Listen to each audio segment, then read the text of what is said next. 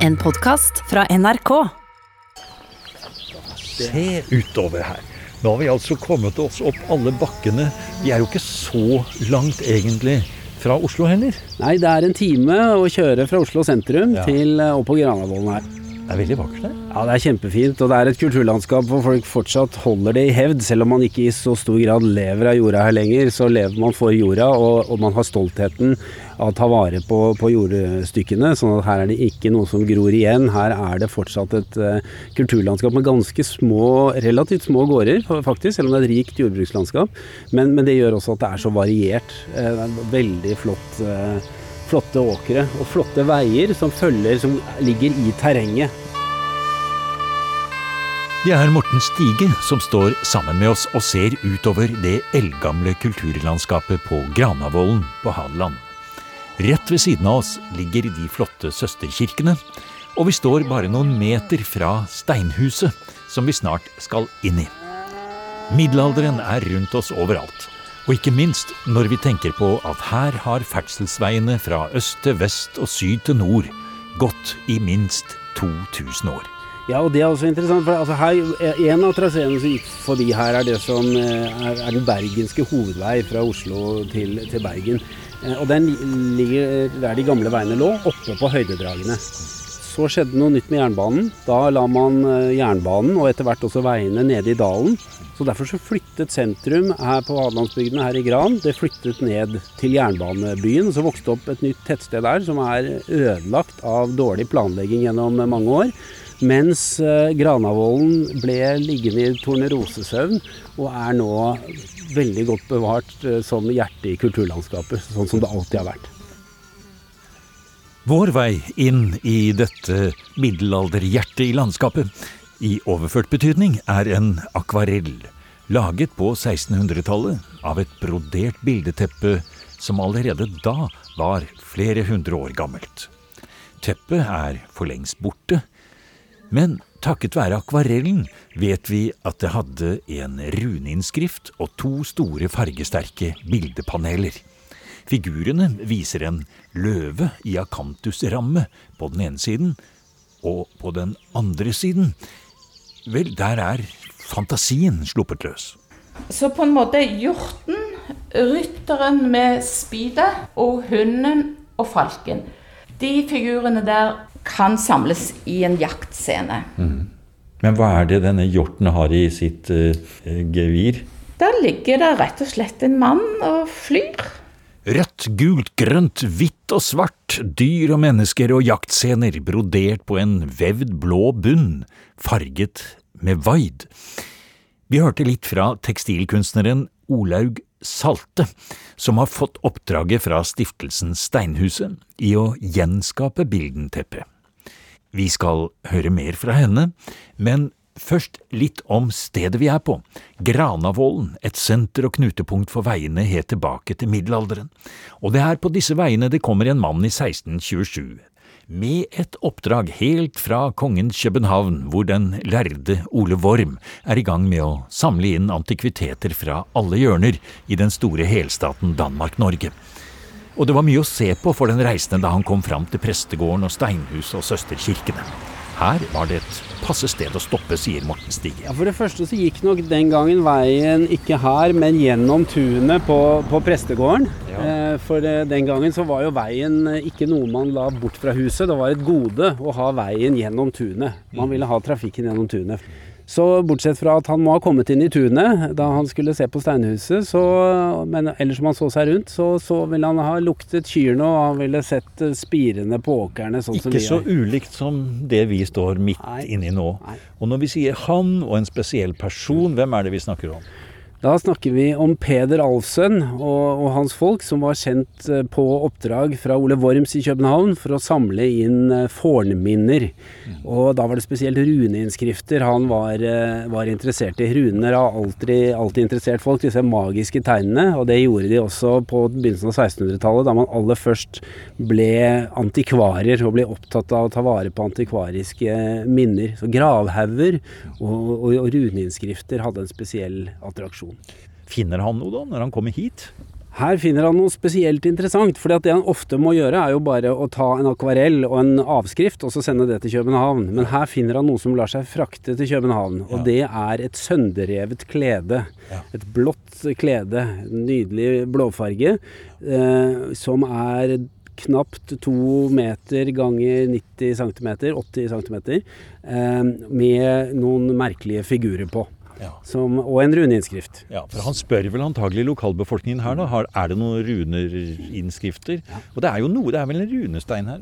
Ja, bak, eh, bak eh, Nikolaikirken så står det en runestein, og det er flere runesteiner som er bevart. Dynnasteinen, eh, som jo er en av våre mest berømte runesteiner med også, også bildemotiv på, er fra den andre siden av dalen her. Sånn at det er et rikt område også når det gjelder andre runeting. Men han hadde kanskje ikke ventet å finne et tekstil. Eh, og det tekstilet var da, når han fant det, minst da type 350-400 år gammelt. Mm. Og midt i der så sto det en runeinnskrift. Men hvor var det oppbevart da? Det, det vet vi ikke positivt, men alt tyder på at det var på, på Billengården, som jo fortsatt er en eh, viktig gård. Nå er det delt opp i flere bruk, men, eh, men at det har vært på et av brukene der, og antagelig det bruket hvor eh, Kirketuften, som man også kan oppleve i dag, ligger eh, like ovenfor tunet og, og kneiser.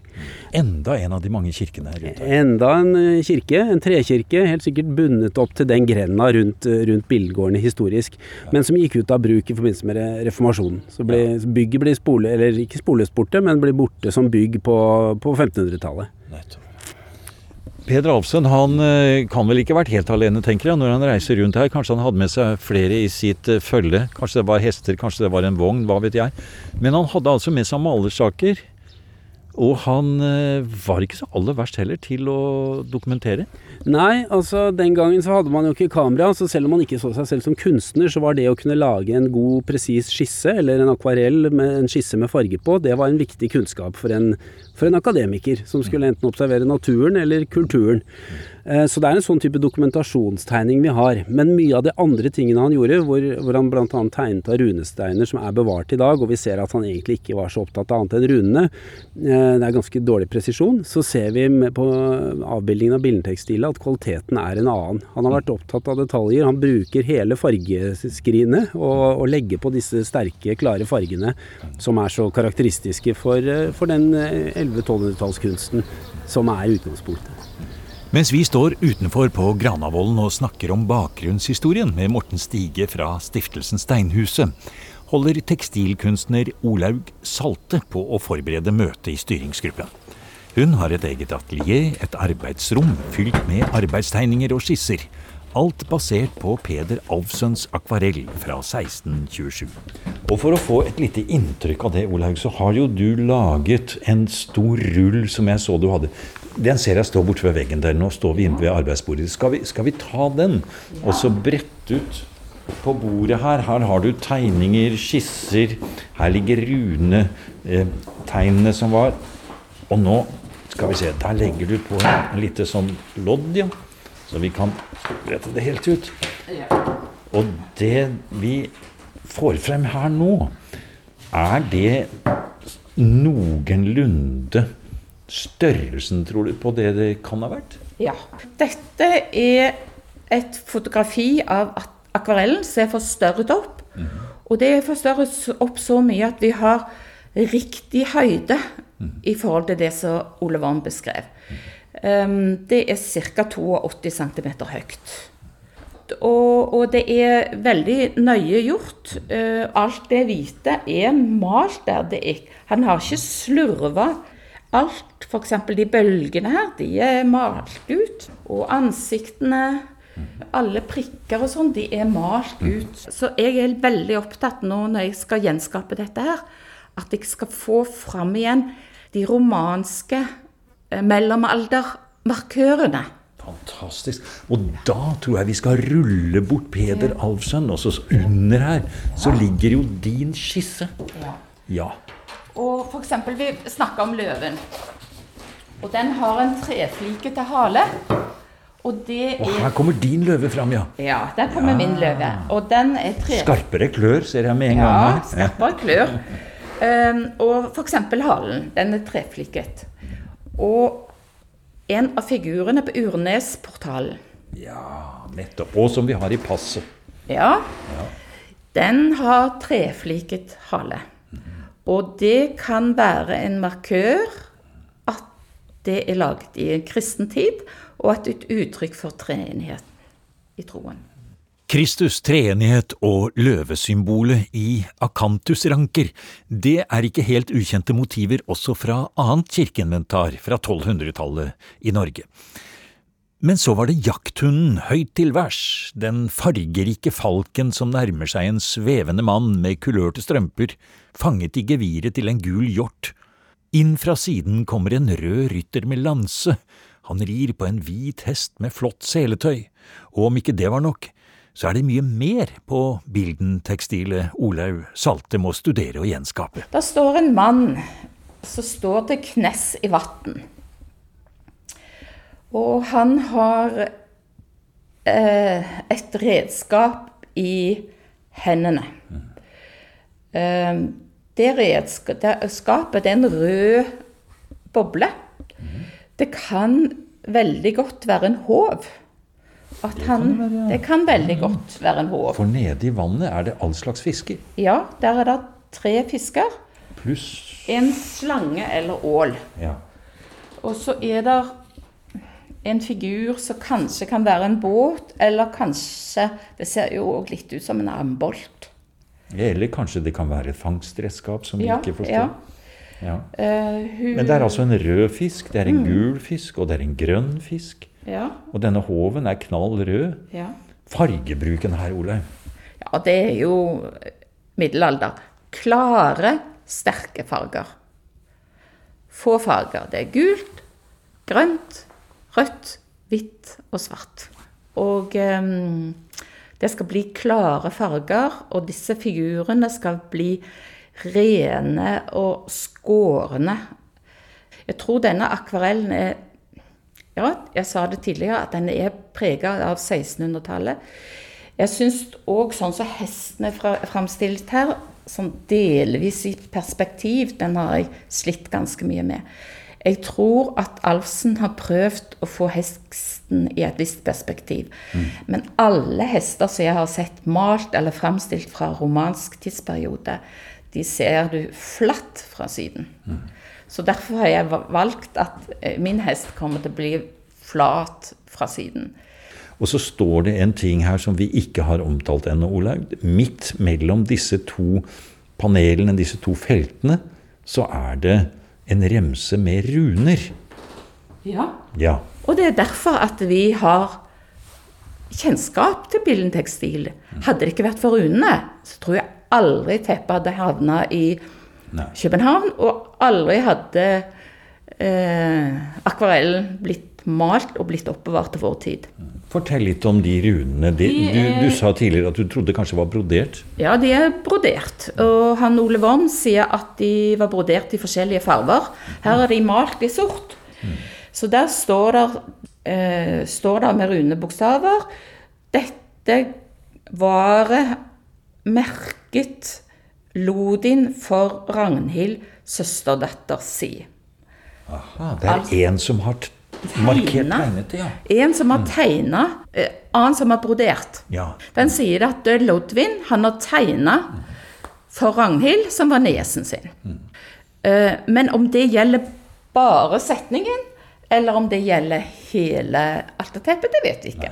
For når vi snakker om vevd og brodert her, så er jo selve grunnlaget det det er brodert på, det er jo også en Ja. veldig viktig Ja. ting å snakke om. Det er vevd eh, i Spelsaugan.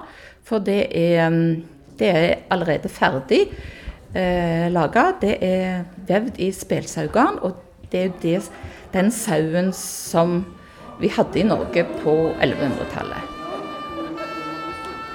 Ja, hei. Jeg heter Gro Elisabeth Lyngstad. og driver Grinaker ved på Brandbu. Jeg ble kontaktet da av eh, Morten Stige og Kari Møyner, og de lurte på om jeg hadde lyst til å være med på et prosjekt da, som het Bildentekstilet.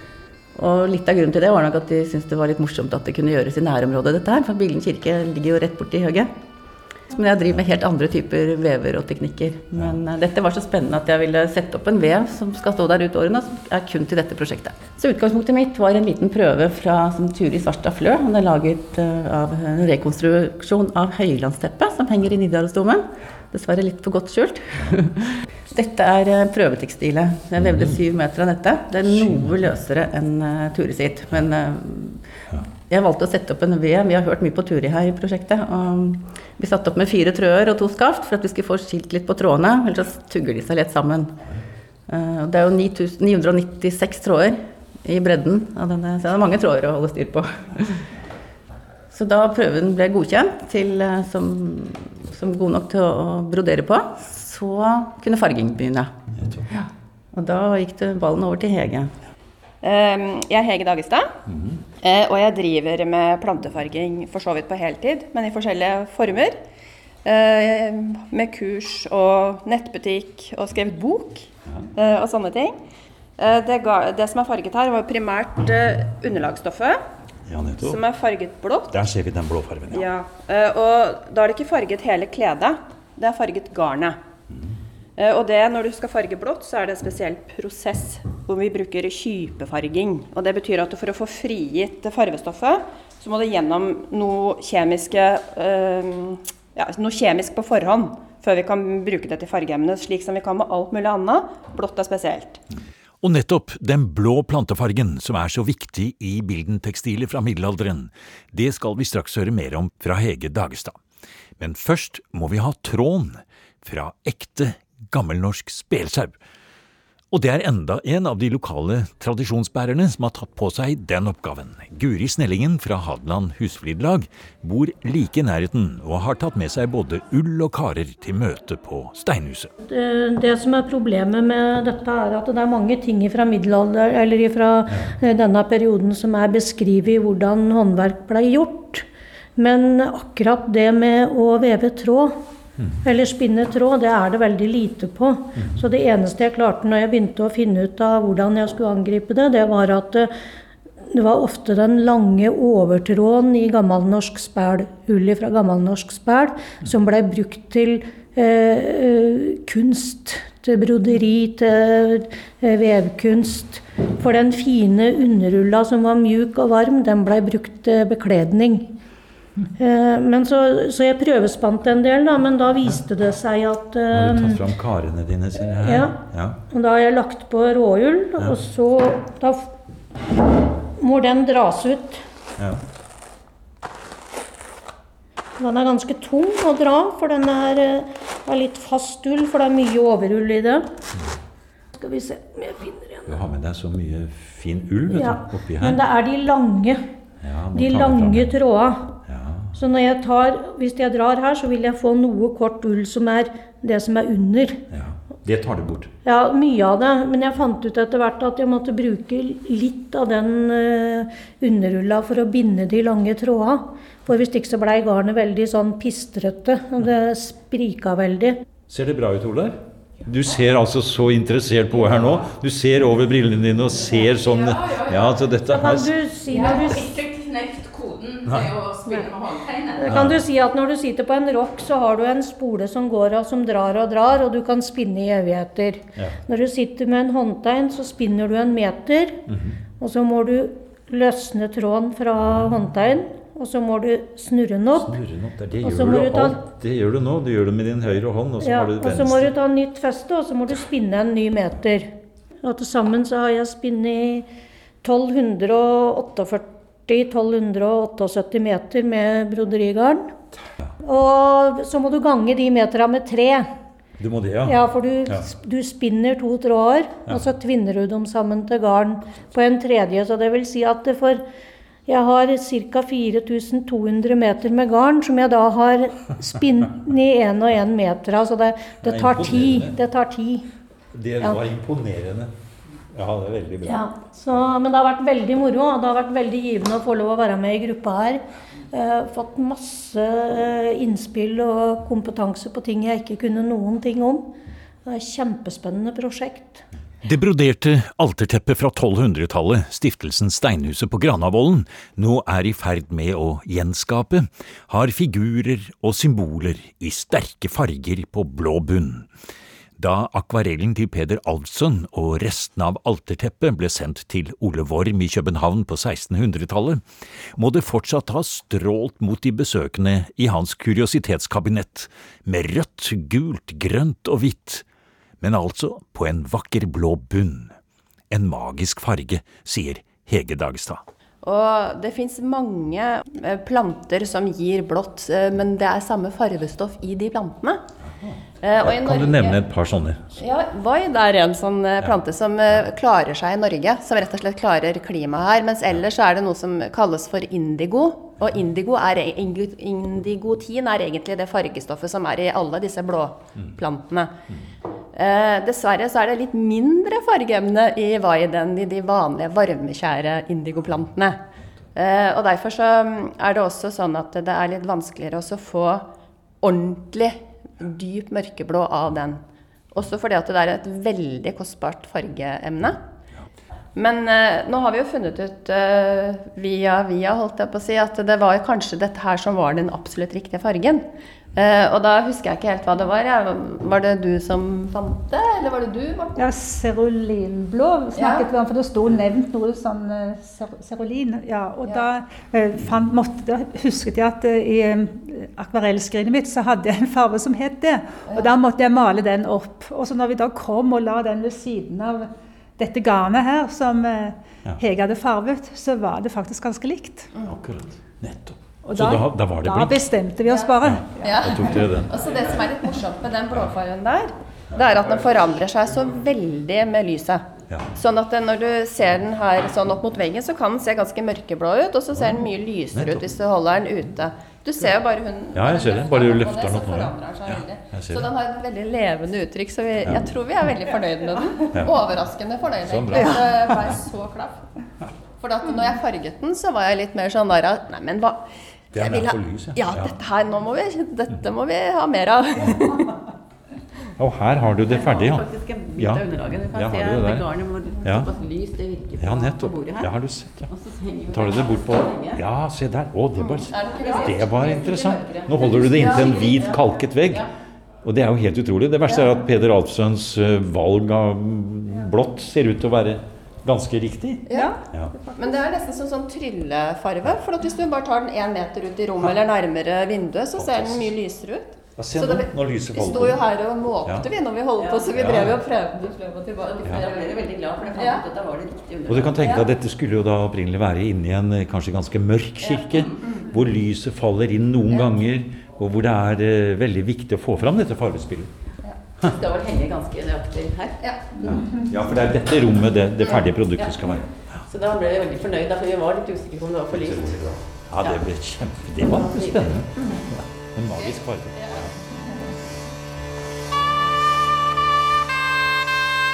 Jeg ser det har blitt en tydeligere um, hånd på den ene fisken. Ja, ja. Den er jo også ganske blid. Ja, den er ganske blid. Det er jo en glad laks. Det er jo en laks, ja. ja. Det ser man. Jeg tenker at, det er nyttig at vi på en måte alle kommer med sine blikk her nå, og så får du input. Men det som er, og noe av det er altså Det er på veldig ulike nivåer, men det som du må huske på, at når du skal ta dette her ned i søm igjen, så er det ikke det ansiktet vi skal ha. Da skal man tilbake til den ekspresjonismen man får når man jobber med ganske grove sting i, i, i denne leggsømmen. Vi må ha den der styrken som ligger i det, lære, det litt, litt eh, sånn eh, geriljastinget.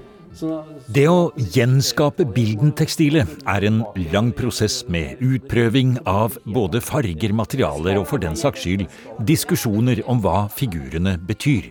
Er det en helgenfortelling, eller er det en framstilling av Gud og Kristus på den ene siden, og livet og elementene jord, luft og vann i jaktscenen på den andre? Det blir vi nok ikke ferdig med å diskutere, sier prosjektleder Morten Stige.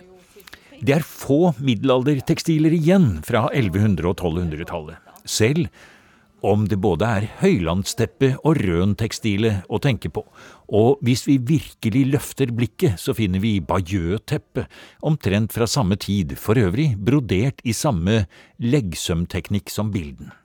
Så hele formålet med å gjenskape dette middelalderbroderiet, det er å skape ny interesse for middelalderhistorien på Granavolden, rundt Steinhuset og søsterkirkene, sier Morten Stige. Ja, det er Stiftelsen Steinhuset som driver det nå, og Steinhusets venner som har kulturarrangementer her gjennom eh, hele året. Eh, så det er i den ånden at eh, Stiftelsen Steinhuset også har tatt initiativet til å få gjenskapt bildentekstilet.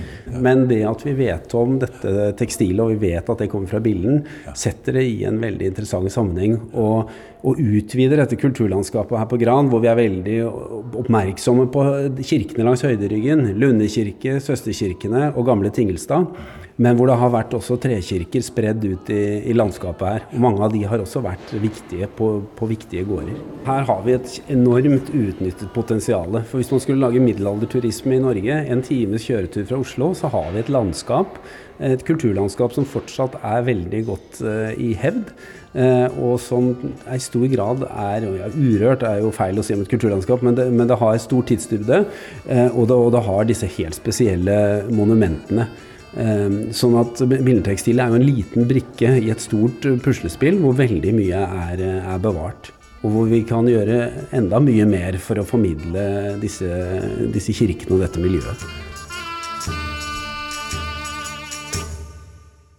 Du har hørt en podkast fra NRK P2.